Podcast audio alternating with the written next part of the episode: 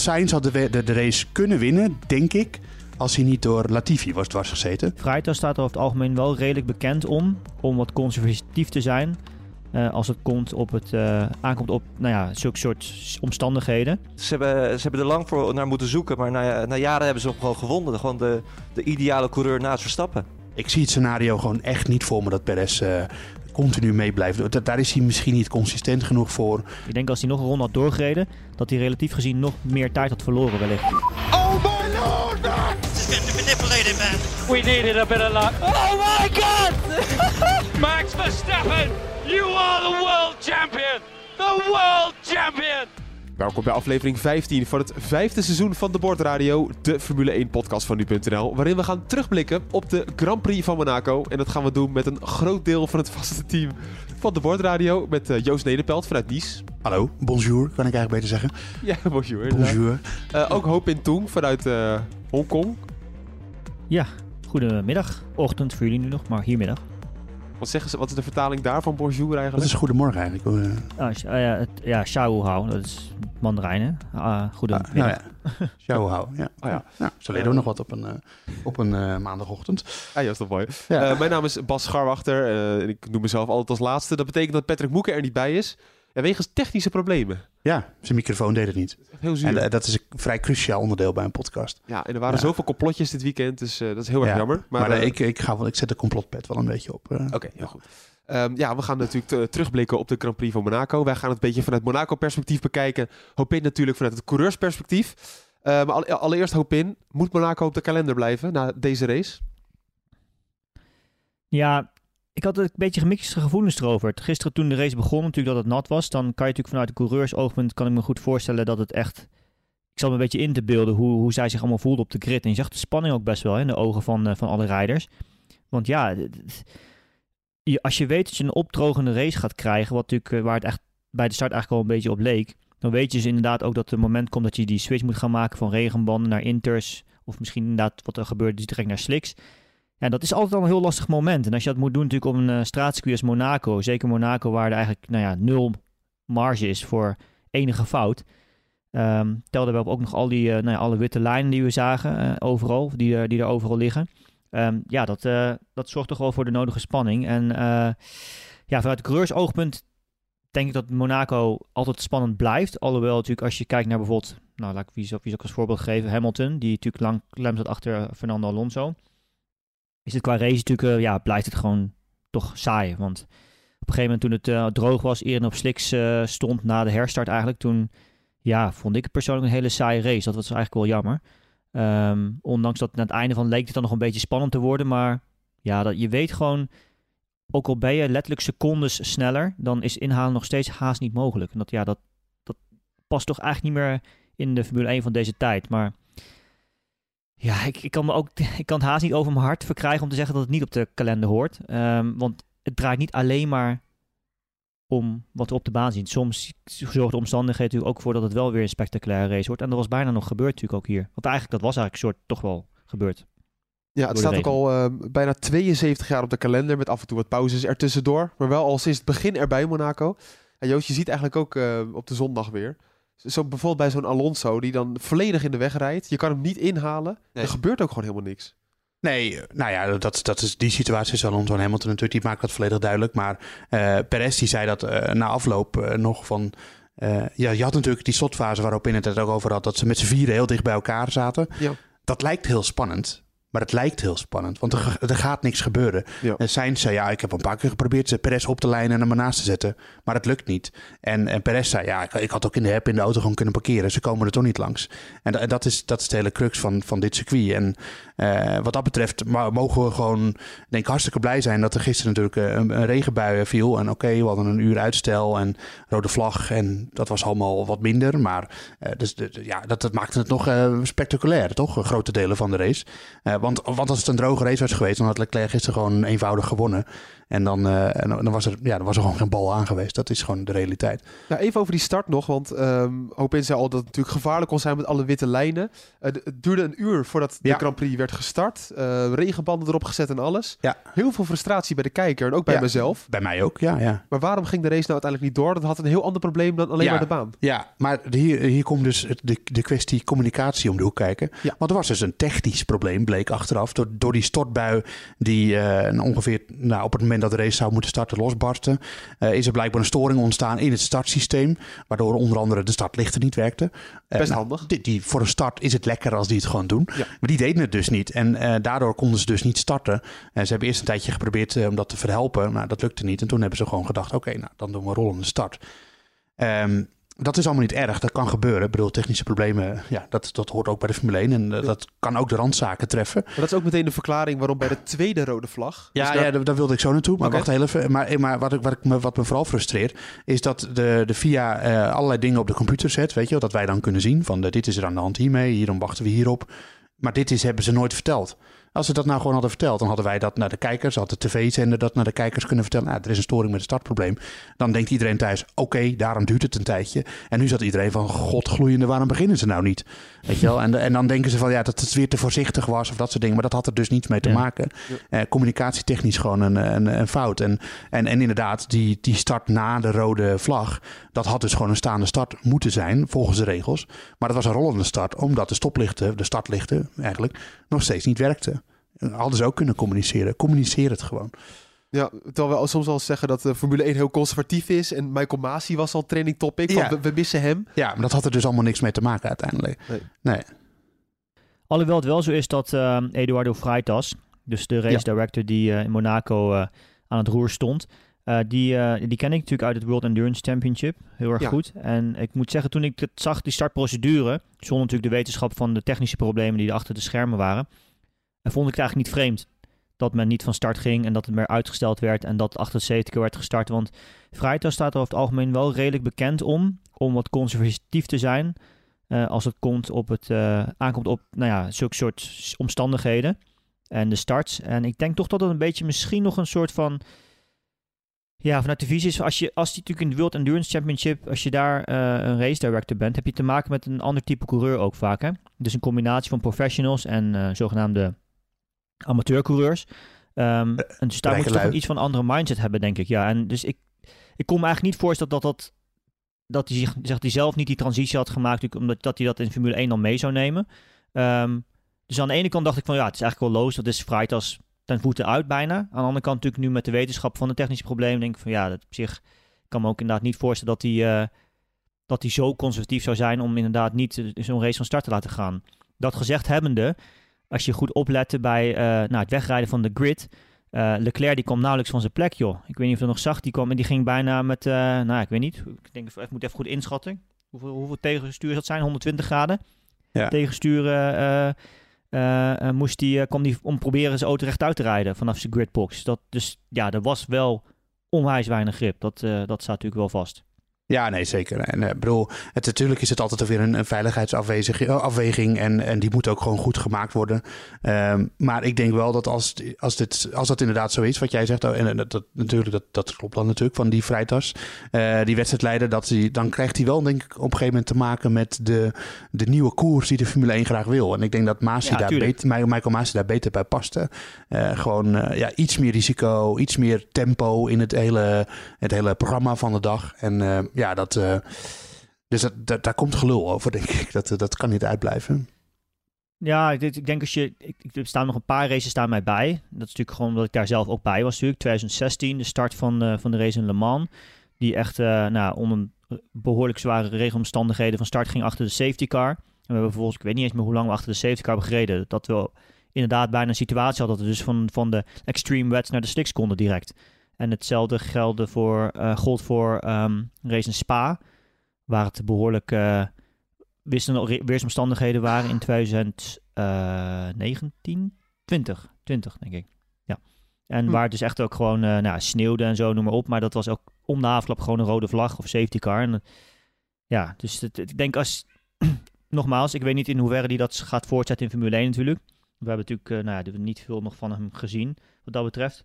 Maar toen ik deze omstandigheden, uh, omstandigheden zag, dacht ik van, oh, dit is wel herkenbaar, laat ik het zo stellen. Ja, je had het net even over Joost. de situatie met Leclerc, dat hij eigenlijk onder een droge race, of met een droge race, de race ook makkelijk had gewonnen. Dat gebeurde natuurlijk niet. Het pakte volledig verkeerd voor hem uit. Ja. Dat gaan we eens even ontleden. Want er is veel meer gebeurd dan dat we eigenlijk op tv hebben gezien. Ja. We hebben alle onboards van alle coureurs goed bestudeerd. Ja, zeker. Uh, er zijn een paar interessante conclusies dat is, uh, dat is wel het voordeel van maandag opnemen, moet ik zeggen, van de podcast. Ja. ja dan hebben we iets meer tijd om alles eh, te bekijken. Ja, we krijgen wel eens op de zondag kritiek en dan mailen mensen ons maandag van... hoe kan je dat nou niet gezien hebben met Albon die geweldig 63 rondes reed, weet je wel? Tijdgebrek. Ja, tijdgebrek. Ehm, nu hebben we wel alles kunnen zien. Ja. Daaruit blijken, we hebben eigenlijk vier conclusies kunnen trekken per coureur. Ja. Waar het nou helemaal fout is gegaan. Laten we allereerst even beginnen met de goede call van Perez. Ja, uh, nou ja, goed. Je had natuurlijk een paar coureurs in het achterveld die op, uh, op intermediates reden. Uh, die lieten goede tijden zien. zoals Gasly. Zoals Gasly. Gasly was denk ik lichtend voorbeeld. Ehm, en toen op een gegeven moment maakte Red Bull, die altijd het initiatief nemen op een of andere manier, en dat deden ze nu weer, die maakte de call, we zetten Perez op Inters.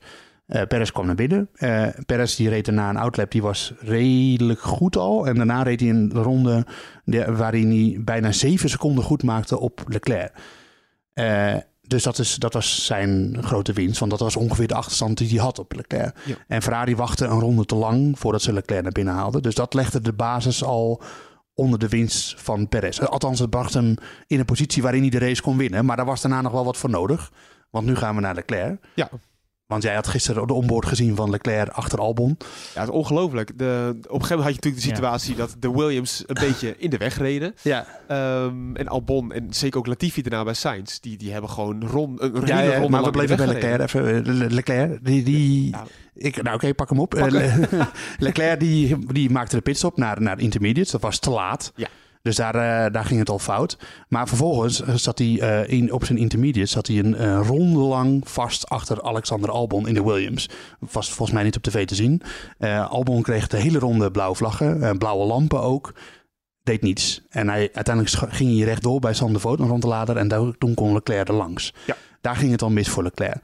Uh, nadat hij dus ook al uh, te laat naar binnen was geroepen door, uh, door Red Bull. door Ferrari, sorry. Dus dat, daar, dat deed Ferrari fout, maar dit was gewoon pech. En ja. toen ging vervolgens Leclerc, moest hij weer naar binnen, terwijl Sainz naar binnen ging. In, in, in, out, out, out. Ja, daar verloor Le Leclerc weer wat tijd. En toen ging hij een ronde op zijn harde banden de baan op. En toen werd hij weer dwars gezeten door Latifi. En toen hij een ronde later, of bij de, pitstraat aan, bij de pituitgang aankwam, kwam daar Verstappen net op zijn harde banden de pitstraat uit. En dat scheelde een milliseconde of Leclerc had ervoor gezeten. Die tijd die hij net was verloren bij en die pitstop en Albon en zeker drie, vier tienden bij Latifi bij het zwembad. En ja, dat, dat kostte hem gewoon uiteindelijk nog een podiumplaats ook. Ja, maar eigenlijk kunnen we zeggen dat, dat um, Ferrari een 1-2 is ontnomen door Williams. Nee, dat niet. Een 1-3. Een 1-3. Ja, ja, want Sainz had de, de, de race kunnen winnen, denk ik als hij niet door Latifi was dwars gezeten. Ja. Want Sainz maakte natuurlijk maar één pitstop uh, van de regenbanden direct naar hard. Uh, en uh, op, dat was in principe ging dat allemaal goed. Dat deed Ferrari niks fout. Alleen op het moment dat hij de pitstraat uitreed, kwam hij naast Latifi terecht. Ja. Latifi kreeg op dat moment al blauwe lampen en blauwe vlaggen. Maar die dacht, ach, Ferrari, weet je, ik ga er lekker voor zitten. En die bleven gewoon een, een, een halve ronde lang voorrijden. Ja, echt tot, heel lang. Heel lang, serieus. tot aan de tunnel. en, en, en, en het lijkt in het beeld niet alsof hij hem heel erg blokt of zo. Dat is niet wat er aan de hand is. Maar als je met een veel snellere auto achter zo iemand rijdt, dan verlies je tijd. Want je kan niet helemaal remmen waar je wil. Je kan niet helemaal op het gas waar je wil. Je hebt nog een beetje last van luchtverstoring. En, en, en vervolgens een ronde later komt Sainz uh, weer bij de pitstraatuitgang. En wie komt daar net voor zijn neus de deur uit? Perez. Ja. En daar verloor hij de leiding en dus de race. Dus ja, en dat was marginaal. Hoor. Dus je kan zeggen, misschien had Perez er sowieso al voor was voorgekomen. Maar ik denk dat het net het verschil was waardoor Perez de race kon winnen. Ja, Hopin, uh, wat is dat toch met die blauwe vlaggen en coureurs? Dat ze dat toch altijd stiekem een beetje negeren altijd. Ja, het is een moeilijke situatie. Wat je, moet, wat je de context erbij bekijkt voor Albon en Leclerc. Kijk, de regels zijn heel duidelijk. Een blauwe vlag is dat je dus degene die achter je rijdt voorbij moet laten. Dat is heel, dus hij had hem gewoon voorbij moeten laten. Tegelijkertijd kan ik me ook wel enigszins hè, de denkwijze van Albon en ook zijn engineer voorstellen. Want Albon stond, stond natuurlijk toen al op slicks, waar Leclerc ja. op de intermediate stond nog. En we hadden te maken met nou ja, eigenlijk het omslagpunt hè, op dat moment, waar de slicks dus eigenlijk sneller waren. En zodra je temperatuur krijgt in die slicks, eh, ja, dan heb je zo ontzettend veel meer grip. Dat je, nou ja, als die niet bij Sander Volte was afgegaan bijvoorbeeld, had het maar zo gekund dat hij in diezelfde ronde in één keer drie, vier, vijf, zes seconden misschien wel weggereden was van Leclerc. Eh, omdat alles draait om, op temperatuur op dat moment. En dus het is, het is een hele lastige beslissing. Kijk, als hij ervoor kiest om, Albon, eh, om Leclerc voorbij te laten, dan komen ze later misschien allebei weer in de knoop. Want dan is Albon zoveel sneller in één keer dat hij nou ja, gaat proberen om terug te passeren. Want we hebben, nou, we hebben in het verleden wel eens gezien dat, eh, dat het natuurlijk ook een tranen kan eindigen. En zeker Ja. als Monaco is dat nou ja, praktisch onmogelijk natuurlijk. Dus ja, de regels zijn heel duidelijk. En ik denk persoonlijk dat eh Albon hem gewoon voorbij had moeten laten. Want uiteindelijk heeft hij zich dus nu bemoeid met eh, de race, overwinning en podiumplaatsen. En dat, dat mag natuurlijk eigenlijk gewoon niet. Nee. Tegelijkertijd, wat ik zei, het raceverloop eh, en sportief gezien, als je als coureur zijn, ben je natuurlijk toch ook bezig met je eigen race. Ehm, samen met de engineer. En ja, is het natuurlijk logisch dat je denkt van ik heb eh, een, een snelheidsvoordeel daar. Ten opzichte van de auto achter me, ondanks dat het een Ferrari is. En het, het duurt nog een paar bochtjes en dan eh, is de temperatuur er en dan kan ik hem, eh, nou, dan, dan rijd ik gewoon weg. Ja. Dus ja, dat, maar goed, het pakt er anders uit dus. Ja, en, maar je kan natuurlijk ook nog wel eh, Ferrari wat kwalijk nemen dat zij niet goed hebben berekend waar Ja, die auto precies terecht absoluut. zou komen. Want als je een pitstop gaat maken, dan moet je altijd natuurlijk gaan kijken van als ik deze pitstop maak, waar kom ik dan terecht? Maar Sainz die zei er af- achteraf wel wat, eh, wat interessants over. Die zei ja, omdat, omdat de ingang van de pitstraat nat was en ook de uitgang van de pitstraat. Ja, hun berekeningen die ze natuurlijk op droge baan hadden gemaakt. Ze berekenen altijd precies uit hè, van hoe lang eh, de pitstop delta. Hoe lang ben ik bezig met in de pits rijden, pitstop maken en er weer uitkomen. Alleen die berekeningen die klopten natuurlijk niet meer. Eh, maar het is wel opvallend dat het dan bij Ferrari twee keer fout gaat met die berekening. Eh, en, en dat het bij, eh, bij Red Bull twee keer goed gaat. En dat kan ook geluk zijn dat je gewoon überhaupt die marge hebt. Maar het is, het is toch wel vaak dat dat bij Ferrari misgaat, dat soort dingetjes. Dat ze net achter iemand komen of net...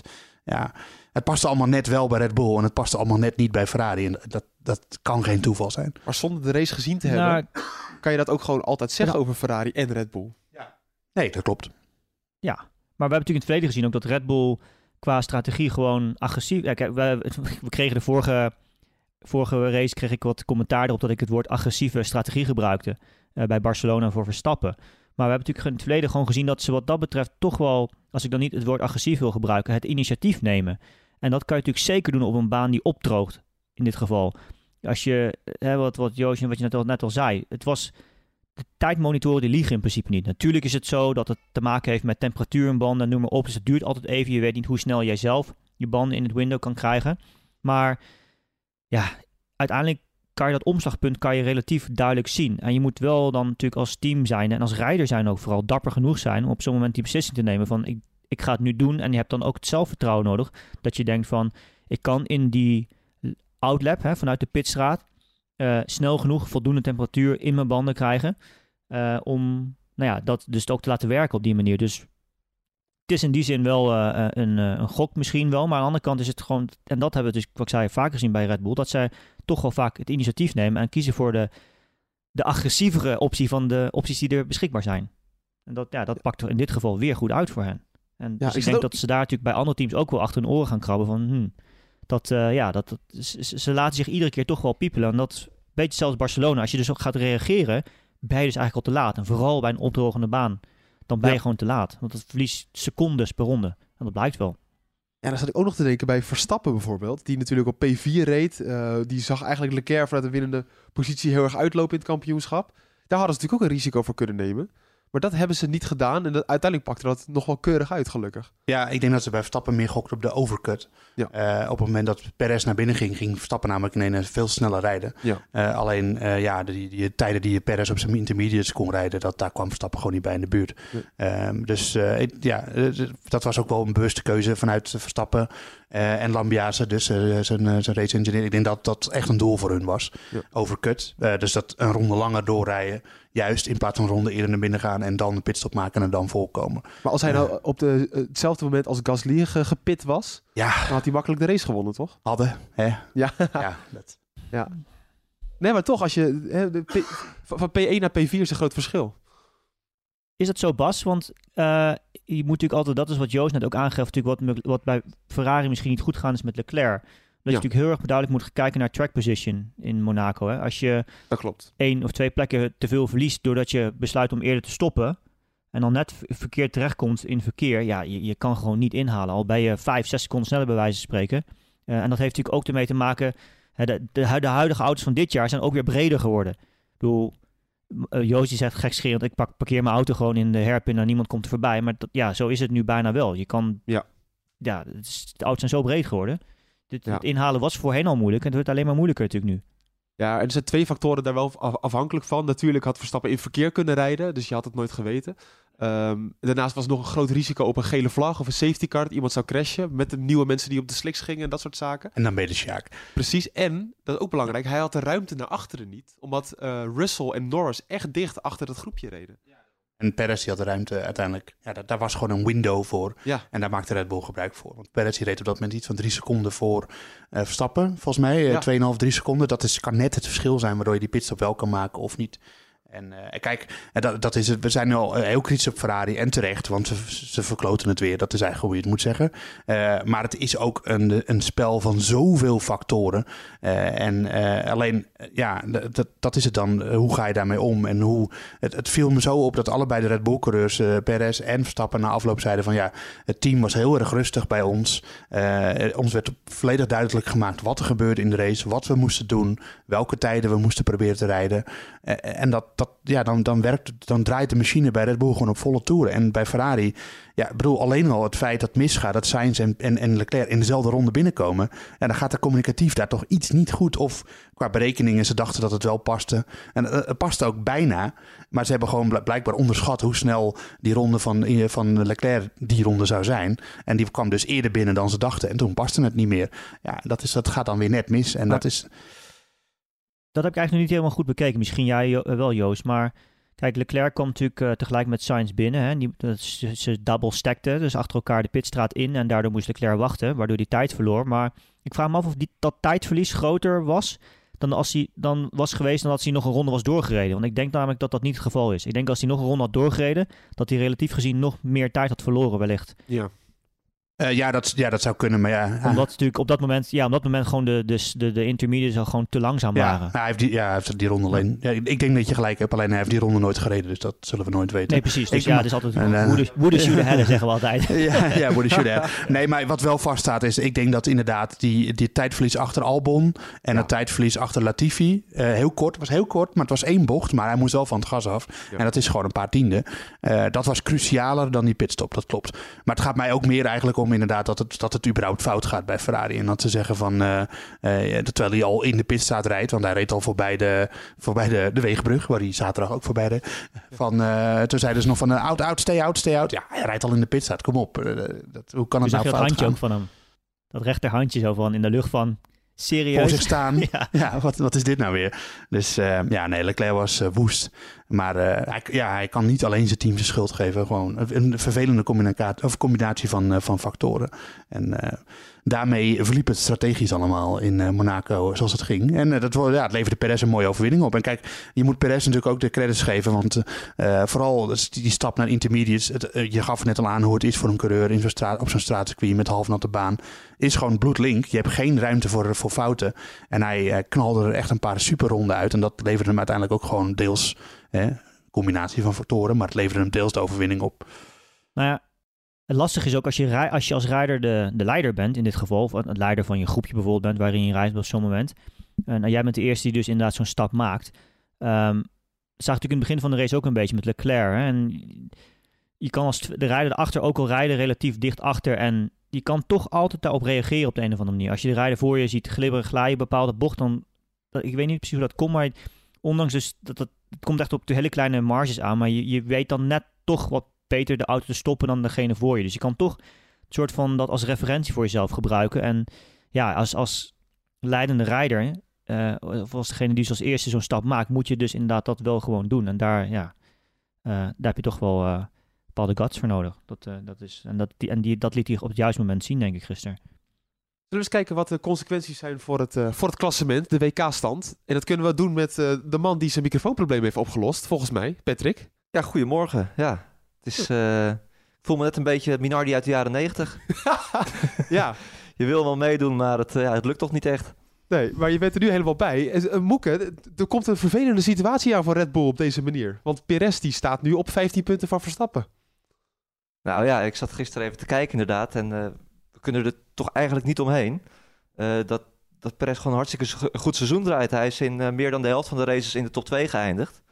En ja, wat je zegt, het, het gat naar Verstappen is maar 15 punten. Het gat naar Leclerc is maar 6 punten. Ongelooflijk. Ik zat ook nog te denken, stel je voor uh, dat die teamorders er in Spanje misschien niet waren geweest. Ja, misschien dat Verstappen er wel voorbij was gegaan, je weet het niet.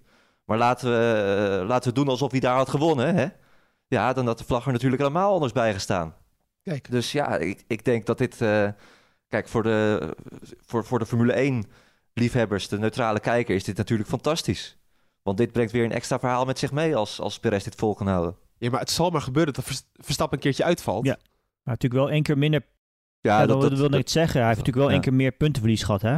Uh, Verstappen dan Perez. Dus dat is niet helemaal eerlijk misschien. En, dus hij is inderdaad nee, wel ook één keer meer uitgevallen. Dat wel. Maar dat, dat kan natuurlijk nog een keer gebeuren. Dat, uh, -hmm. ja, dat ligt helemaal buiten, buiten zijn macht. Dus stel je voor dat zoiets gebeurt. Ja, hij zit er gewoon bij.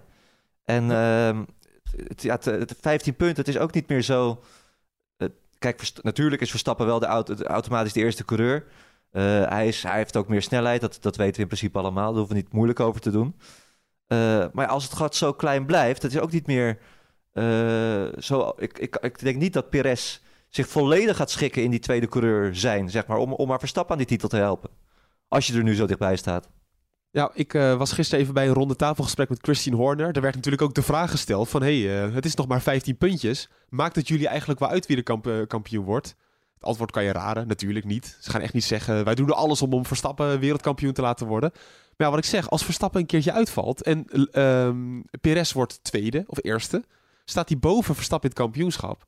Ja, wat ga je dan krijgen als er een Barcelona 2.0 komt? Ja, maar het, uiteindelijk als team uh, ga je toch, uh, je zet je je geld in op de coureur waarvan jij denkt dat hij de beste kans heeft om kampioen te worden.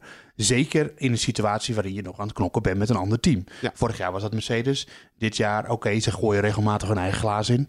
Uh, en we hebben in de Ferrari-winkel in Maranello kunnen zien hoe duur die glazen zijn. Maar Zo. dat er zijn. ze gooien regelmatig hun eigen glazen in. Maar Ferrari doet natuurlijk gewoon nog hartstikke goed mee. Leclerc staat nog tweede, staat zelfs boven Perez. Dus ja, en normaal gesproken hoe Red Bull denkt, uh, zeker hoe Helmut Marco denkt, uh, dan, dan is de focus gewoon nog op Verstappen. En, en, en Perez doet het juist hartstikke goed, die doet het boven verwachting goed. Ik denk dat het een luxe probleem is voor Red Bull, maar eigenlijk dat het geen probleem is. Want Verstappen is gewoon het speerpunt van het team. Ja. En, en Perez won dit, dit, hij heeft nu pas de eerste race gewonnen dit seizoen. Ja. het is niet omdat hij allerlei andere races ook had kunnen winnen.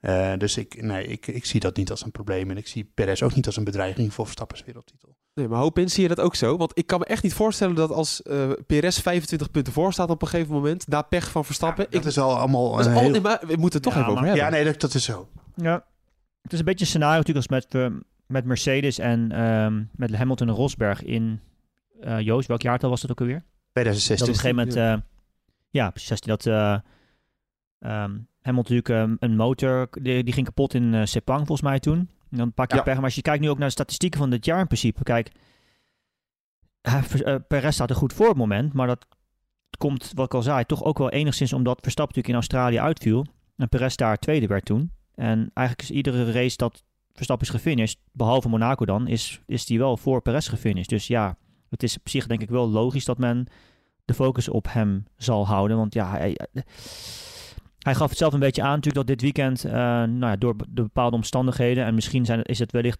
een resultaat geweest van uh, bepaalde keuzes die ze hebben gemaakt qua afstelling, dat Perez zich uh, nou ja, iets meer thuis voelde dan, dan normaal gesproken het geval is misschien. En dat werkt tegelijkertijd ook eigenlijk averechts voor, voor Verstappen, die um, van een auto houdt die eigenlijk iets agressiever is, die iets meer natuurlijk roteert, zoals we zeggen, dus op de iets meer overstuur heeft. En ja, als je dat zeker op Monaco, uh, ja, dat geeft, geeft een auto die iets meer onderstuur heeft, is, is makkelijker te rijden, omdat het je, uh, je, hebt het gevoel dat je minder op de limiet zit constant natuurlijk, vanwege die vangrails om je heen.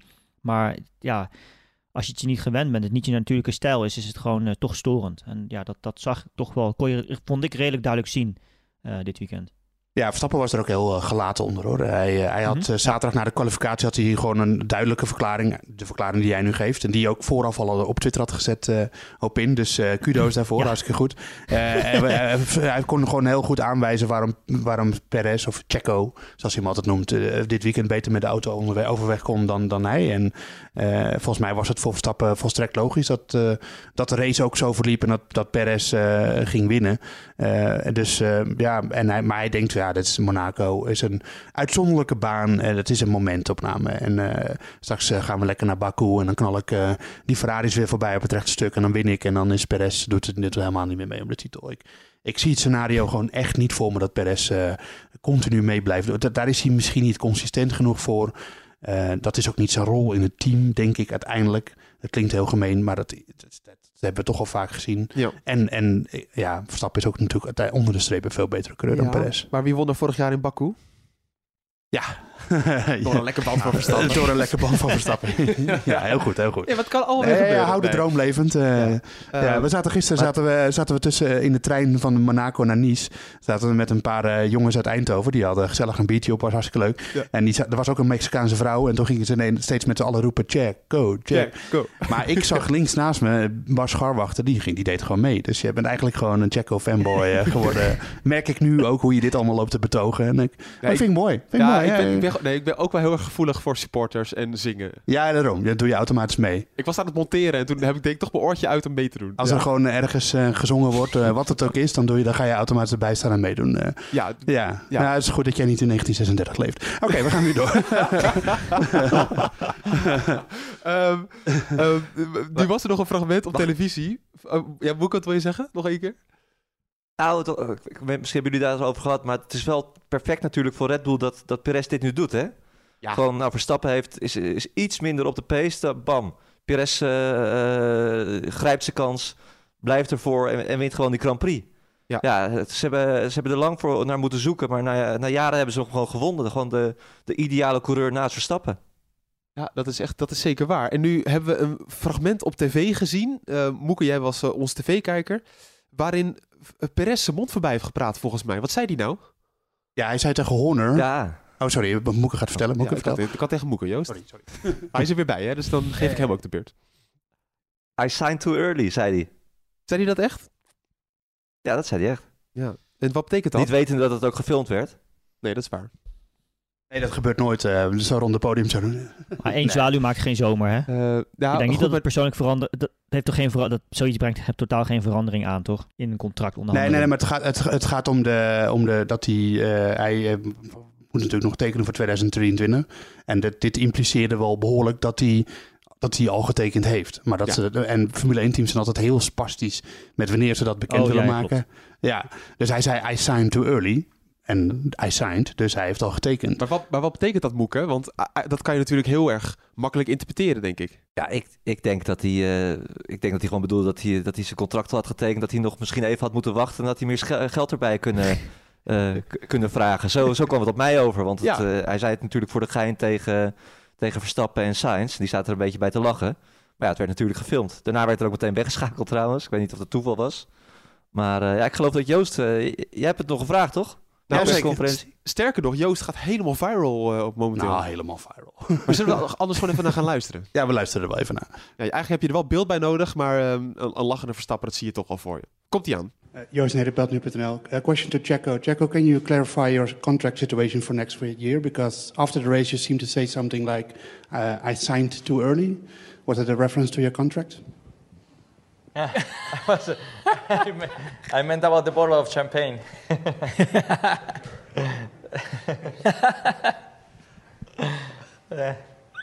we'll find out. I think what? what you did today might help. Uh, Just a little bit. I, I hope. ja, Joost, uh, natuurlijk. Het is geen scoop, want het is maar tijdens de persconferentie. Maar je hebt hem wel uh, aardig wat ontlokt. Nou ja, ja, hij zegt niet... hij moet het wel zeggen natuurlijk. Dat is het gelul. ja. alleen, ja, je kan soms ook iets zeggen door het niet te zeggen. En ja, de reacties van Verstappen en Perez... was wel op te maken dat dit gewoon een done deal is. En dat Perez ook in 2023 bij Red Bull rijdt. Maar ja, zonder het... Je kan niet, niet iemand quoten op een verwaaide uitspraak die toevallig in de uitzending te horen is. En al helemaal niet op zo'n zo'n antwoord in een persconferentie. Maar laat ik zo zeggen, wij hebben het bericht al klaarstaan dat Perez een contract heeft voor 2023. En die hoeft eigenlijk alleen maar online en dan zijn we klaar. Ja, zo werkt dat toch op nu.nl? We, we kunnen dat alvast schrijven. Ja, je, we hebben allerlei berichten al klaarstaan. Ook van dat mensen al overleden zijn en zo. En die moeten dan nog overlijden. Dan kunnen we het er meteen opzetten. Ja, dat is de realiteit van een, van een nieuwssite. Ja, dat is grappig om te horen. En ja. uh, hoop in, dat is toch gewoon volledig terecht. Geen enkele discussie. Nee, nou, ik, hij doet het gewoon goed. En ik denk natuurlijk, nogmaals, we hebben het natuurlijk vaker aangehad. Hij wordt enigszins geholpen door het feit dat de auto's dit jaar veranderd zijn. Wat gewoon beter bij zijn rijstijl past. En nou ja, dat, dat is natuurlijk gewoon, dat is, dat is gewoon een natuurlijk iets. En dat, dat hebben we natuurlijk in het verleden gezien bij Red Bull, dat uh, eigenlijk het tegenovergestelde was, waardoor coureurs het juist lastig hadden. En ja, en als je dus nu een auto hebt die iets makkelijker te rijden is, um, dan kan Verstappen nog steeds op de momenten dat, dat hij dat moet doen, het speciale laten zien wat hij altijd heeft gedaan. En, uh, maar daarnaast heb je dus nu iemand zitten die ook goed met een auto uit de voeten kan. En uh, op een solide en een, een, constante manier resultaten kan produceren. En nou ja, zelfs in uitzonderlijke gevallen zoals deze race gewoon uh, um, een overwinning meepakken. Ja, dacht ook in Saudi-Arabië dus, natuurlijk. Daar, ja. daar pakte Verstappen de pol niet en dan pakt Perez hem. Ja, hartstikke goed. En dat Precies. is het. Hij moet er zijn als Verstappen er niet is. Maar hij moet zich geen illusies gaan maken over de wereldtitel. Want dat, dat kan alleen maar uh, in een teleurstelling uit, uh, ja. monden. Nu, nu was er nog één dingetje rondom de, de beide Red Bulls.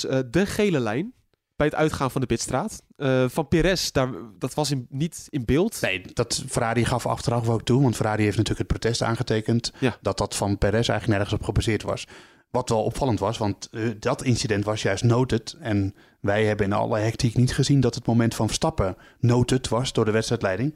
Terwijl die ging daadwerkelijk met een deel van zijn band over de gele lijn heen. Maar, zo bleek achteraf, uh, je moet er met de hele band overheen zijn. En dan is het pas een overtreding. Dat, tenminste, dat was het oordeel van de FIA. Ja. En uh, ja, uh, daardoor was het geen straf. En ik had ook niet de illusie dat het, ooit, dat het ooit een straf zou gaan worden. Maar hij had er in theorie, als hij daadwerkelijk met de hele band over de hele lijn was gegaan, uh, had hij een tijdstraf kunnen krijgen. En het hielp natuurlijk niet. Van vijf seconden? Van vijf seconden, sorry, inderdaad. Het hielp natuurlijk niet dat dat exact het moment was waardoor hij, waar, waar, waarop hij precies voor Leclerc bleef. En Verstappen zei na afloop ook, ja, ik moest zo extreem de pitslane uit, want anders was ik er niet voor gebleven.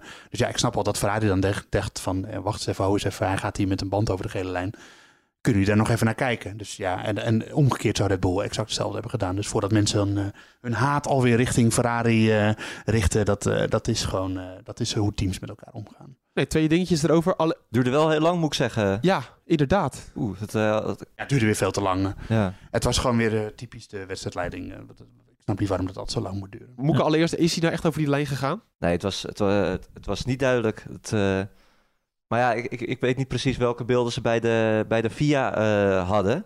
Uh, maar ik neem toch aan, en daarom vond ik het ook op, zich opmerkelijk dat Ferrari dat, uh, dat protest nog aantekende. dat zij wel zeker van hun zaak waren. Ze moeten daar. Kijk, in principe hoef je als iemand over die witte lijn rijdt, of over die gele lijn, rijdt. Als ander team zijn, hoef je daar niet voor in protest. Dat moet de VIA gewoon zelf zien. Dus ik, ik dacht eigenlijk toen Ferrari dat protest aantekende van nou, uh, die, die zijn kansloos. Maar ja, ze zullen toch wel getwijfeld hebben. Want anders dan, ja, dan duurt het niet. Het uh, duurde bijna drie uur. Ja, het heeft... We wisten gisteravond pas om, om negen uur uh, wie die Grand Prix had gewonnen. Het heeft te maken met een kleine um, nuance wijziging in de reglementen volgens mij ook. Waar in het verleden erin stond dat het um, not a single part of the car, dus geen geen, niet, geen enkel onderdeel van de auto mag over de lijn heen, maar nu is het veranderd in band.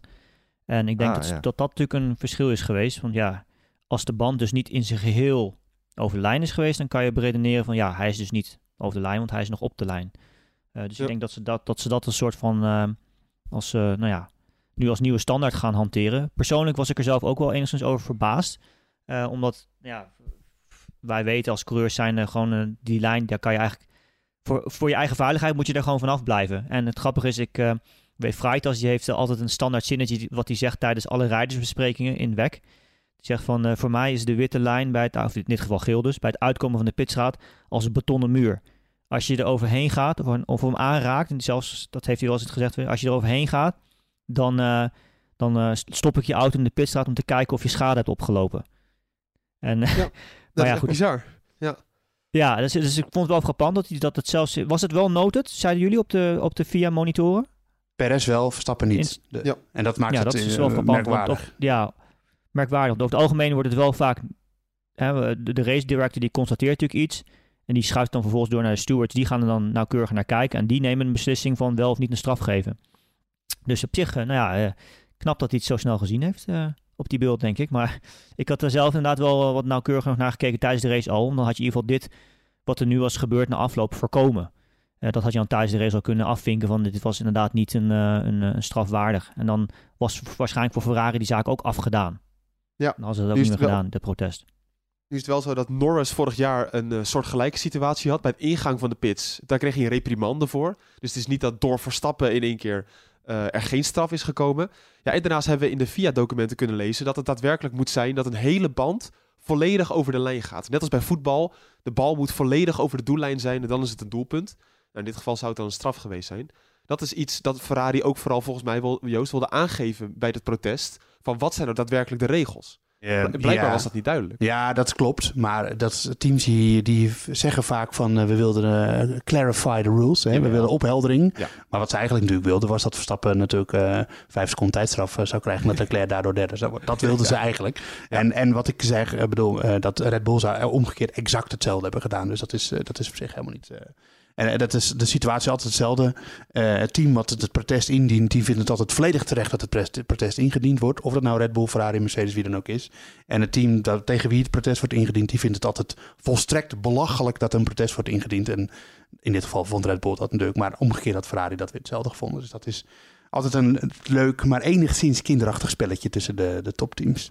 Ik wil even iets nieuws in de podcast proberen, want uh, we hebben het heel lang over de Red Bulls en de Ferraris gehad. Maar er, zijn, er is zoveel te bespreken over Monaco. Dus we gaan er even een mega snelle Q&A in gooien met vragen van, van luisteraars en, uh, en kijkers.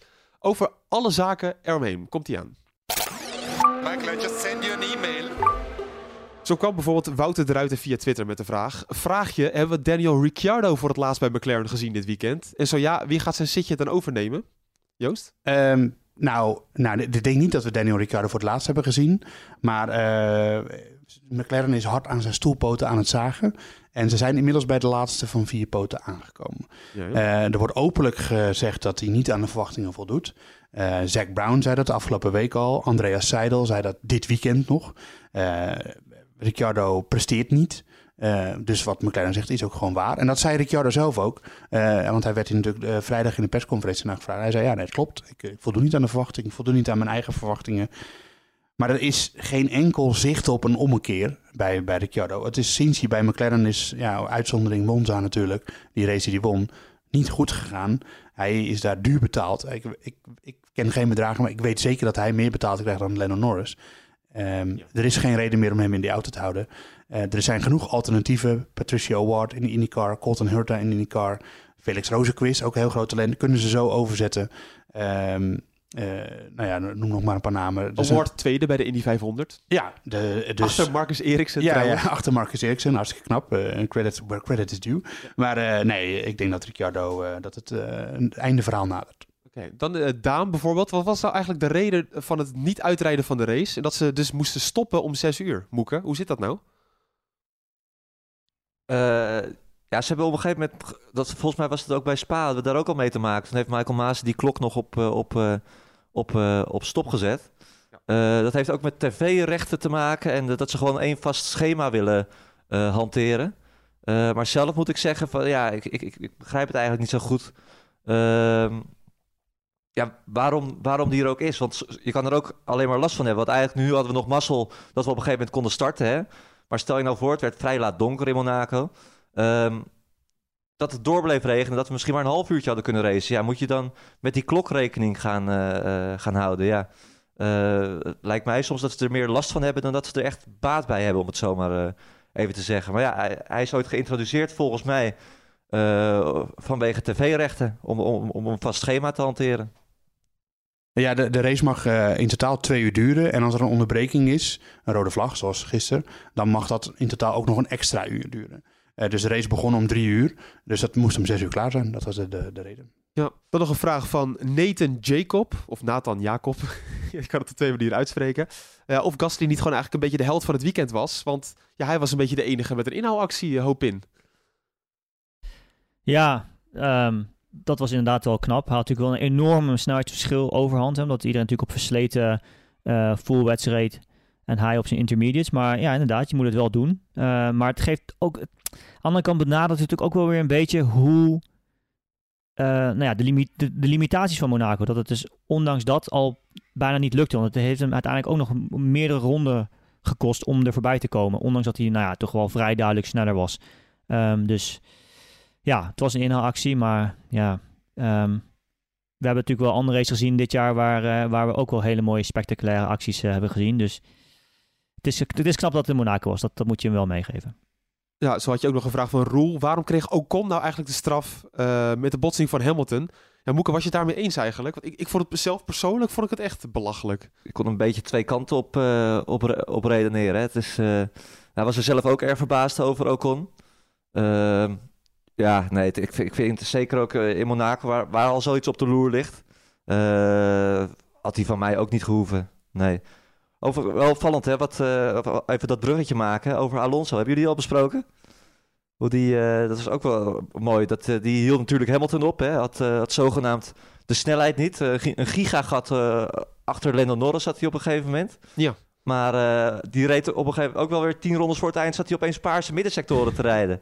Dus uh, Nando die had, die had toch wel harder gekund hoor dan, uh, dan hoe die nu reed. Ja, sterker nog, er was een vraag in de Q&A van Stijn. Die zegt ook van, heeft Alonso dat daadwerkelijk aangetoond... dat er qua race eigenlijk geen plek meer is voor Monaco op de kalender? Nou ja, dat is eigenlijk wel wat Perez natuurlijk ook zei. Van als ik hem in de, in de hairpin parkeer, dan komt niemand er meer langs. Nee. En uh, ja, uh, Patrick die, uh, die volgens mij twitterde die voor het weekend nog een mooi filmpje van Enrique Bernoldi en David Coulthard. In 2001 uit mijn hoofd dat Bernoldi Coulthard echt een race lang ophield. Ook al heb je een veel snellere auto. Ja, dat, dat, dat bewees Alonso inderdaad ook weer. En dan zijn die auto's van nu nog veel en veel groter dan, dan dat ze toen waren. Dus ja, je kan iemand gewoon echt uh, behoorlijk dwars zitten. En uh, ja, ik moet eerlijk zeggen dat uh, in alle hectiek, en ik ben vooral gefocust op de top natuurlijk, dat het me enigszins ontgaan is waarom Alonso dit precies deed. Maar ik weet wel, hij reed, hij reed help in. Ja, nee, dat was dat, dat, de reden waarom Alonso dat deed, was eigenlijk te zien bij Perez. Namelijk dat men natuurlijk op de mediumband stond. En die medium, de leven, verwachte levensduur daarvan, was natuurlijk korter dan dat de race nog zou zijn. En uh, zeker natuurlijk als je een regenbui hebt gehad of veel water in dit geval, uh, spoelt eigenlijk alle grip die er aanwezig was, spoelt weg. Waardoor de slijtage ten opzichte van de verwachting, hè, die ze dus hebben eh, gebaseerd op de data uit de vrije trainingen, eigenlijk nog hoger is. Um, dus dan op zo'n baan weet je, moet je eigenlijk heel goed je band managen, zeker in het begin, om het einde te kunnen halen. En je zag natuurlijk bij Perez dat hij het einde van de race, dat was natuurlijk ook de reden dat de overige drie constant bij hem in zijn snelheidsbak zaten een treintje. Want uh, ja, zijn voor, vooral zijn voorbanden, die waren echt helemaal op natuurlijk. Er zag echt gigantische graining en plekken erop en noem maar op. En ja, als je op een gegeven moment, zeker op Skiers Monaco, als je op een gegeven moment een band in een situatie komt dat je van een zogenaamde cliff afgaat. Dat hebben we overigens dit jaar volgens mij nog niet echt gezien, maar dat je dus bij wijze van spreken gewoon bijna echt letterlijk geen rubber meer op het loopvlak hebt zitten. Uh, ja, dan, uh, ja, dan, dan is inhaal dus wel mogelijk. Want dan, dan praat je dus echt over gewoon 7, 8 seconden verlies per ronde in één keer. Um, en ja, dat moment moet je natuurlijk ten alle kosten voorkomen. Ik denk dat uh, wat Alonso deed misschien wel het andere uiterste was. Dat hij misschien iets te conservatief was wat dat betreft. Maar ja, we zagen wel, bij, wat ik zei bij Perez, dat je... Dat was eigenlijk de andere uh, uiterste van het spectrum. Die, uh, die kwam daardoor nog een beetje toch enigszins in de problemen aan het einde van de race. Ja, dus het was eigenlijk ook gewoon... Er zat nog een andere gedachte achter bij, bij, bij Alonso volgens mij ook. Want Hamilton reed achter hem en Ocon reed daar weer achter. En het was ook een soort van bewust om, om te hopen dat Ocon misschien de aansluiting bij Hamilton kon vinden om daar nog wat uit te richten. Ja, maar inhalen, je weet, inhalen lukt gewoon niet. En tegelijkertijd, als, je zelf, als je zelf gaat proberen iemand zo op te houden. Hij zegt zelf van uh, Hamilton, uh, die al, tenminste, ik denk dat Alonso dacht van, al ga ik twee seconden langzamer per ronde, nog twee seconden langzamer, komt hij er alsnog niet voorbij. Dus wat zou, waarom zou je dan denken dat Ocon dat wel lukt? Omdat hij veel meer risico neemt? Wellicht. Dat zou kunnen natuurlijk, dat, dat weet je niet. Maar um, het is niet aannemelijk, denk ik. Volgens mij is, de verklaring in dat ze dus toch wat zorgen hadden over nou ja, slijtage. Maar ik zei, het was, het was wel erg extreem, het managen. Um, ja. Ja, ik, ik denk dat het ook wel te maken... Ik denk dat het meer slim was van Alonso. Want je hebt gewoon eigenlijk maar een paar punten nodig in Monaco om niet ingehaald te worden. Tractie, tunnel, of de tunnel in, daar moet je tractie hebben. Uh, en natuurlijk uitkomen Anthony Noors, de, de opgaan van het rechtstuk. Als je daar je tractie hebt, dan kan je nergens ingehaald worden. En uh, ja, zeker het, het, het, feit dat hij natuurlijk aan het eind nog hele snelle tijden reed... dat is dat hij gewoon heel slim met zijn banden om is gegaan. Mm -hmm. En, uh, en dat, ja, dat kun je aan, aan Alonso wel overlaten. Ja, ik denk dat je het ook anders kunt zien natuurlijk. Hè? En de positie waarop hij reed um, had hij Norris voor zich. En uh, natuurlijk Hamilton achter zich. Nou, Hamilton kon hij makkelijk achter zich houden, dat, bleek wel. Dus hij wist zelf waarschijnlijk van zichzelf ook dat hij niet de snelheid zou hebben. Ook al zou het een normale race situatie zijn, ook al zou hij pushen om Norris in te halen. Dus de enige kans die hij zou hebben om nog echt plaatsen te winnen in de race, is als, als je dus het, wat ik al zei, het geval krijgt dat andere coureurs die wel pushen, van een cliff afgaan omdat dus de verwachte levensduur van die medium uh, uh, korter was dan de, race, dan, dan de race nog zou duren, dan kan je dus plaatsen winnen. Dus in de situatie waarin hij zag, was het was, was misschien een defensieve optie de beste aanval in dit geval. dus zo zou het ook wel weer kunnen zien natuurlijk. Dat, het, uh, dat, dat de enige mogelijkheid voor hem was om nog plekken te winnen, denk ik. Als het goed was uitgepakt. Nog één vraag vanuit deze Q&A. Um, hoe kan het dat de auto van Mick Schumacher door tweeën brak, Joost? Um, ja, dat is een interessante vraag. Uh, ik denk dat, dat uh, ik zag ook mensen van, ja, dit is al de tweede keer dat het gebeurde, omdat het natuurlijk bij, uh, bij Grosjean ook gebeurde. Ja. Um, ik denk niet per se dat dit een specifiek haasprobleem is, want zowel de motor als de versnellingsbak, waar dat punt is waar hij dan breekt, dat is van Ferrari. Um, dus ja, dat is gewoon. Uh, ja, het, het, ik denk dat het toevallig gewoon uh, twee keer een haast is waarbij dat gebeurt. Um, ja, er zitten natuurlijk wel bepaalde systemen in een Formule 1-auto die moeten zorgen dat de, auto de energie kwijtraakt. Um, en uh, een, een, bepaalde, ik denk een bepaalde hoek waarin de, de, achterkant van de auto geraakt wordt ten opzichte van de, de, de motor. want de versnellingsbak en de motor zitten aan elkaar, uiteraard. En dat is. En de, en hele achterwielophanging zit eigenlijk weer vast aan de versnellingsbak. Dus als dat punt tussen de motor en de versnellingsbak breekt, ja, dan gaat de hele achterkant eraf. Uh, en ik denk dat het gewoon, uh, dat het precies die hoek is waardoor die dan erin komt, dat, het, dat, dat dan die bouten, die dan blijkbaar dat aan elkaar houden, dat die breken en dan is het klaar met, met, de achterkant. Uh, het is wel opvallend. we hebben bij Grosjean gezien dat het ook brand opleverde natuurlijk. Dat was omdat onderdelen van de, het hybride systeem in aanraking kwamen met brandstof. dat was nu niet het geval. Dat heeft de FIA ook wat aan gedaan met deze nieuwe auto's. Um, ja, het is een duur geintje voor Haas, maar het is op zich voor de rest niet zorgwekkend dat het afbreekt. Dat, dat, dat, gaat er juist om dat de overlevingscel, waarin Schumacher in dit geval zit, dat die intact blijft. En dat er, dat er zoveel mogelijk dingen afbreken, dat helpt alleen maar juist om de energie van zo'n klap kwijt te raken. Ja. Ik kreeg ook nog een vraag binnen waarom er dan een rode vlag was, maar dat was puur om de boarding te herstellen. Hè? Ja, maar wat ik, de procedure van hoe dat ging, vind ik, ik je weet, ik ben een erkend uh, virtual safety car hater. Ja, maar dat duurde ook een ronde En weer veel te lang en dan daarna nog de, de safety car en dan daarna nog weer de rode vlag. Ja, ik, ik word er wel een beetje moe van. Ik vind dat uh, stop is met die virtual safety car, jongens. Dat, ja, vrijtas. Ja, ja. ja. Kun je dat even doorgeven? Nou, je hebt zijn nummer toch op in. Ben met je, ja, ben met je eens. Want wat je natuurlijk ook krijgt daardoor is dat je natuurlijk had, in dit geval gebeurde het niet, maar je had ook situaties kunnen krijgen dat dus teams erop reageren. Die besluiten om in één keer, weet ik veel, een pitstop te maken. Van we gaan toch nog kiezen om banden te wisselen, noem maar op. En ja, als je dan alsnog een rode vlag er ook ingooit later, dan ben je natuurlijk wel de aap gelogeerd. Want dan ben je dus en die plekken kwijt en ja, iedereen kan straks weer wisselen. Dus. Ja, dat zagen we ja. vorig jaar in Saudi-Arabië natuurlijk. Toen uh, kwam Verstappen daardoor ja, aan, de, aan de leiding. Nee, maar het is vrij duidelijk dat het, dat het wel een, een, een, rode vlag uiteindelijk zou worden. Want dat Tech Pro daar, dat was zoveel, zoveel verschoven. En het is een plek op de baan. Een van de weinige plekken natuurlijk waar je, nou ja, ik wil niet zeggen uitloop hebt, maar waar je, daar, we, zien, we zien daar vaker auto's uh, de, de vangrail raken. Ricciardo, en, Ricciardo, um, ja. Ja, bijvoorbeeld. Dus je hebt daar gewoon dat Tech Pro nodig op die plek. Dus je weet als daar één klap is geweest, zo werkt dat materiaal natuurlijk ook. Dan moet je dat wel weer goed herstellen om de, diezelfde energie-absorberende functie te hebben. Dus ja, het was verrassend inderdaad dat ze deze procedure zo deden. Het was net geen uh, Maldonadootje die toen uh, achter de Tech Pro langs ging en daardoor dat de hele Tech Pro barrier over de, over de, de wegdek heen stond. Ja. Maar uh, ja, het, er moest wel wat aan gebeuren. Ja, nou, vroeger vlogen ze nog in het prikkeldraad Monaco, vlogen ze gewoon de zee in, toch? Wie was het? Ascari uh, ook alweer? Alberto Ascari zat een keer overkomen. Maar dan praten we over de jaren 50 hoor. Toen, uh, toen, toen reden ze nog in zwart-wit. dat is waar, ja. Um, nou, tot zover deze flitsende, supersnelle Q&A. Zonder discussies. Nee, dus toch... Nou goed, uh, we hebben alles een beetje daardoor kunnen behandelen. We gaan door met het uh, Nu-sport GP-spel. Ja, want volgens mij is het hele klassement weer door elkaar geschud. Want deze uitslag hadden weinig mensen voorspeld, althans. Wel een paar, hè, Moeke? Ongelooflijk. Nou, het is, het is echt ongelooflijk. Uh, Jaap-Jan Bekking, die heeft dus en de kwalificatie, de top 3 had hij goed.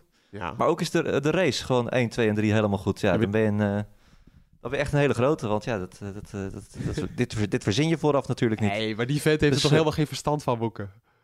Ja, Nee, natuurlijk heeft hij hier wel verstand. Ja, hij heeft, het, hij, heeft hij heeft alle drie heeft hij het helemaal goed voorspeld. Het is ongelooflijk. Maar de, de, dan heb je Leclerc heb je dan op, op pole position en dan Verstappen niet in de top 3. En dan uiteindelijk wel Verstappen op 3 en Leclerc van het podium. Dat, dat, jongen, ja. hij was miljonair geweest. Ja, ja als, hij dat, als hij het totootje had ingezet, dan is hij waarschijnlijk miljonair. Uh, uh, ja, had hij nooit hoeven werken. Ja, ja. Nou, heel goed. Uh, nee, klasse, klasse gedaan, uh, Jaap-Jan. Ik maak altijd een grapje over, maar echt respect, want ik, ik kan het zelf niet. geen miljonair, maar wel eeuwig roem bij het nu Sport GSP-spel natuurlijk. Ja. Dat, uh, en dat is, uh, dat, dat is, ook wel waard, zeggen we dan. Ja, zeker, zeker, zeker, zeker. uh, nou ja, Jan wint deze week dus. Nino Tetro tweede en heel veel mensen derde. Ik moet toch ook, ja, ere wie ere toekomt. Joost, je hebt goed gedaan, jongen, deze week. Ja, ik heb het een keer ingevuld Laat... en zie, zie, je wat er gebeurt, hè?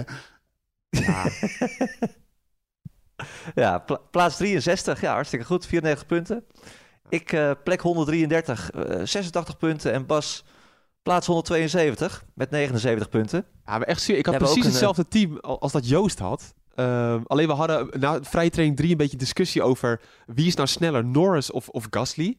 En toen gingen we dat voor de gein even splitten. Dus we hadden allebei geen Verstappen in het team. En allebei PRS erin gedaan. Uh, maar toen had Joost dus voor Norris gekozen, die uiteindelijk vijfde werd. Ja. Zesde? Zesde achter Russell. ja, En Gasly die haalde nog deze Q1. Oh, heel triest. dus dat is echt balen. Ja. Nou ja, kan, kan, kan, gebeuren natuurlijk. We hebben een nieuwe leider in het algemeen klassement. Oh. Jeroen Heijmans, 702 punten. Jos de Bos, nu op plaats 2. Nog steeds een geweldige naam natuurlijk. Jos de Bos, 82. Jos de, Jos de Bos, die, we hebben duizend nummer 1 al gehad. Waarvan is Jos de Bos de hele tijd tweede. Ja, die, ja, die is nu weer ook. hij komt één puntje tekort voor de eerste plek. Ja, maar uh, ja. Een soort Joop Zoetemelk. ja. ja. En uh, Nino Tetero op plaats 3, die komt ook uh, vaak terug. Bas, jij bent het beste van ons nog steeds. Oh. Plek 119. Ik op plaats 145 en Joost op plaats 153. Ik vind het goed hoor. We doen bijna 800 mensen mee. Dus uh, ah, ik heb over ons. Ja, maar wij zijn toch de kenners? We worden er volledig uitge... Echt, we worden helemaal ingemaakt. Ja, maar uh, Bas, ja. het was jouw uh, eerste keer in Monaco. Wat vond je ervan? Oh. De grandeur. nou, ja, ik, het is wel magisch om er rond te lopen. Maar dat is vooral donderdag en vrijdag. Daarna valt het ook wel weer een beetje weg of zo. Dan is het te wennen. Het begint heel snel te wennen. Uh, en de zondag was natuurlijk leuk dat we steeds uit het raam keken vanuit het mediacenter. Dan kan je heel Monaco een beetje zien. En dan keken we steeds naar de wolken. Dat vond ik echt fascinerend, vond ik heel leuk. Maar uh, ja, het is wel bijzonder dat je tussen zoveel BN'ers, of uh, hoe het is het, gewoon internationale sterren rondloopt, hè? Bekende mensen, BM'ers, bekende mensen. Bekende mensen, laat ja, het ja, zo ik heb ook voetballers gezien gisteren. En en een hele hoop mensen ook die van allerlei bands waar jij waarschijnlijk wel naar luisterde, maar ik niet. Uh, Suzanne Freek. Uh, Suzanne Freek waren die er ook. ja. Oké. Ja, die zaten samen de beste pitstop-strategie even door te nemen. Ja. Uh, er waren wat Game of Thrones mensen. Waren, waren dat die twee bij vooruit de pitwall? Ik, ik dacht al, ik ken ze. ja. ja. Suzanne Freek ging helemaal fout. Ja, dat sorry. Maar, en ja, wat was de bekendste voetballer die we gezien hebben? Uh, Mesut Özil. Ik denk, ja... ja Zidane, nou, zag ik nog, ook nog. Ja, ja maar oh, die heb ik niet gezien, geen, helaas. Geen actieve voetballer meer, maar... Nee, Zidane, ik bedoel, ik heb een speciale categorie mensen. Ik bedoel, het is natuurlijk totaal onprofessioneel als journalist uh, of verslaggever om met iemand op de foto te gaan. Uh, nou doe ik geen voetbal, dus dat is een... Uh, dat ja. kan, kan ik me wat permitteren. Ja. Maar dan nog zou ik dat niet zo snel doen. Maar met Zidane is wel, is wel een buitencategorie. Want vind ik de een, ja, die zit wel in mijn top drie allerbeste alle tijden. Uh, Had ik graag met Kim Kardashian gewild. Ja, maar dat zou een hele rare foto worden. Want die komt zelfs bij jou tot je navel. Dus dat, dus, uh, oh, ja. Maar die was er niet. Heb ik, hebben we die nou uh, gemist? Of nee, ik heb die ook niet gezien. Nee, die was er uiteindelijk. Die was al in Cannes. maar LeBron James ja, was er volgens mij wel. Uh, die, die knok, die oh, Conor McGregor. Die hebben we nog gezien op zijn boot. Ja, en, en, wat voor boot. Ik vond zijn boot veel interessanter dan hem zelf. Want ik, ik hou helemaal niet van vechtsport. Maar ja. en Lamborghini aangedreven en Lamborghini ontworpen boot volgens mij. Een soort, soort uh, geel-groen was hij. Ja, was fantastisch. Was echt ik heb er wel een leuk verhaal over. Want die, stond dus vrij prominent bij het mediacenter uh, voor de deur. Lach. Lag. Een Sorry, boot, is een boot. Bedweter. Ja, inderdaad. Eh, en eh, Joost wilde daar een foto van maken, want Conor McGregor zat ook op die boot en er stonden allemaal klerenkasten voor. Ja. En Joost begint een foto... Ik ben zelf ook een klerenkast, hè. onderschat mij niet. Ja, nou ja, ah, fijn. Eh, hij wilde er een foto van maken en die beveiligers houden hem tegen. Waarop Joost zegt, nee, ik wilde alleen maar even een foto van de lucht maken. Maar dat was ook zo, want ik wilde, eh, ik, ik wilde de, de, de donkere wolken en dan maar dan wel met die boot on the side, zeg maar, op de foto. Maar dus deed ik maar alsof ik gewoon alleen, want ja...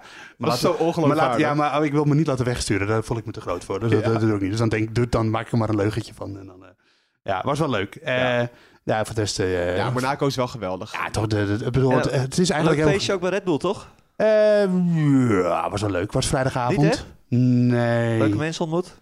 Ehm, nou, we hebben vooral met, dat is, dat is altijd zo met dat soort feestjes. Dan ben je met de Nederlandse, de Royal Dutch Press, met de Nederlandse pers. Ja. En die gaan dan gewoon allemaal bij elkaar zitten, bier drinken en in het Nederlands praten. Dus In ieder geval wel leuk is dat we dan... eh, De Nederlandse pers is best wel goed met elkaar. Ja. En dan zitten we bijvoorbeeld met Arjan Schouten van het AD, die maakt ook een podcast. Ja. Eh, Louis Dekker van de NOS. Ja. Dat zit allemaal bij elkaar. Dus wij hebben geen haat en nijd in de helemaal podcastwereld. niet. Nee, nee, nee. En, Nou, dus het was hartstikke leuk. Het was, een- was een leuk avondje. Alleen, eh, ja, het is gewoon eh, de grandeur van Monaco. En eh, die, die stad is natuurlijk ook gewoon overal op de achtergrond. Eh, in de zin van het een soort van wallpaper. Op de achtergrond zie je die gebouwen en die flats en de, rotsen. Het is gewoon eh, geweldig. Maar om het te rijden op in, is het toch, eh, dat is het best van allemaal, of niet? Ja, nee, rijden is fantastisch gaaf. Dat, dat, dat, wat ik al zei, voor, en ook in de voorbeschouwing ook. Ik bedoel, als coureur zijnde is het een waanzinnig gaaf circuit om te rijden. Omdat het dus zo erg zijn, limiet, en zijn limitaties heeft. Omdat het smal is, omdat je dus echt nul plek voor fouten hebt. Ehm, maar ja, het racen is, is gewoon ja, daardoor ook niet zo mooi natuurlijk. Omdat nou ja, je kunt je geen fout permitteren. Je kunt niet even een eh, lunge doen. Hè? Dus even een stuk later remmen dan iemand anders. Want ja, dat, dat gaat gewoon niet, dit, dit circuit. Nee. Maar het rijden aan zich is natuurlijk wel... eh, is gewoon vet. Ja, absoluut. Ja, ik, ik zeg je eerlijk, voor mij mag het er wel af. Ja, voor mij niet. Ja? Nee.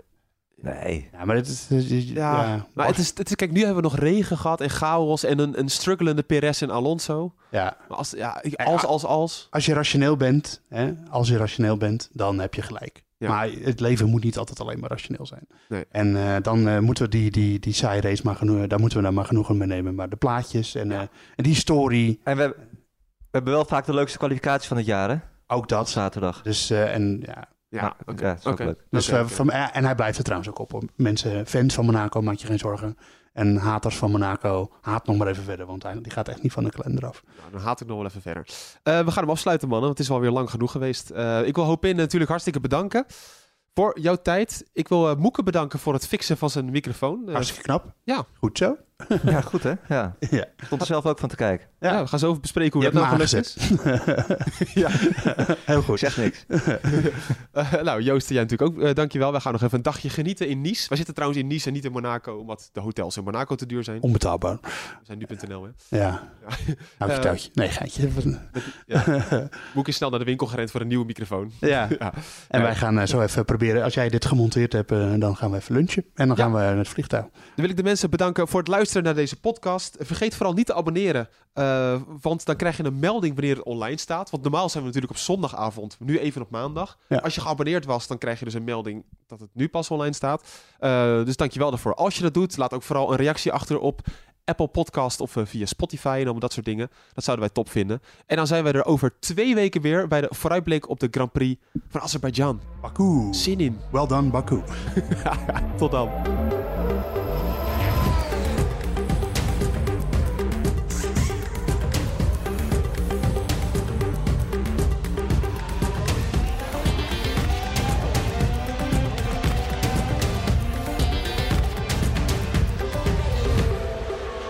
Heel ander straatcircuit. Dat is heel anders, ja.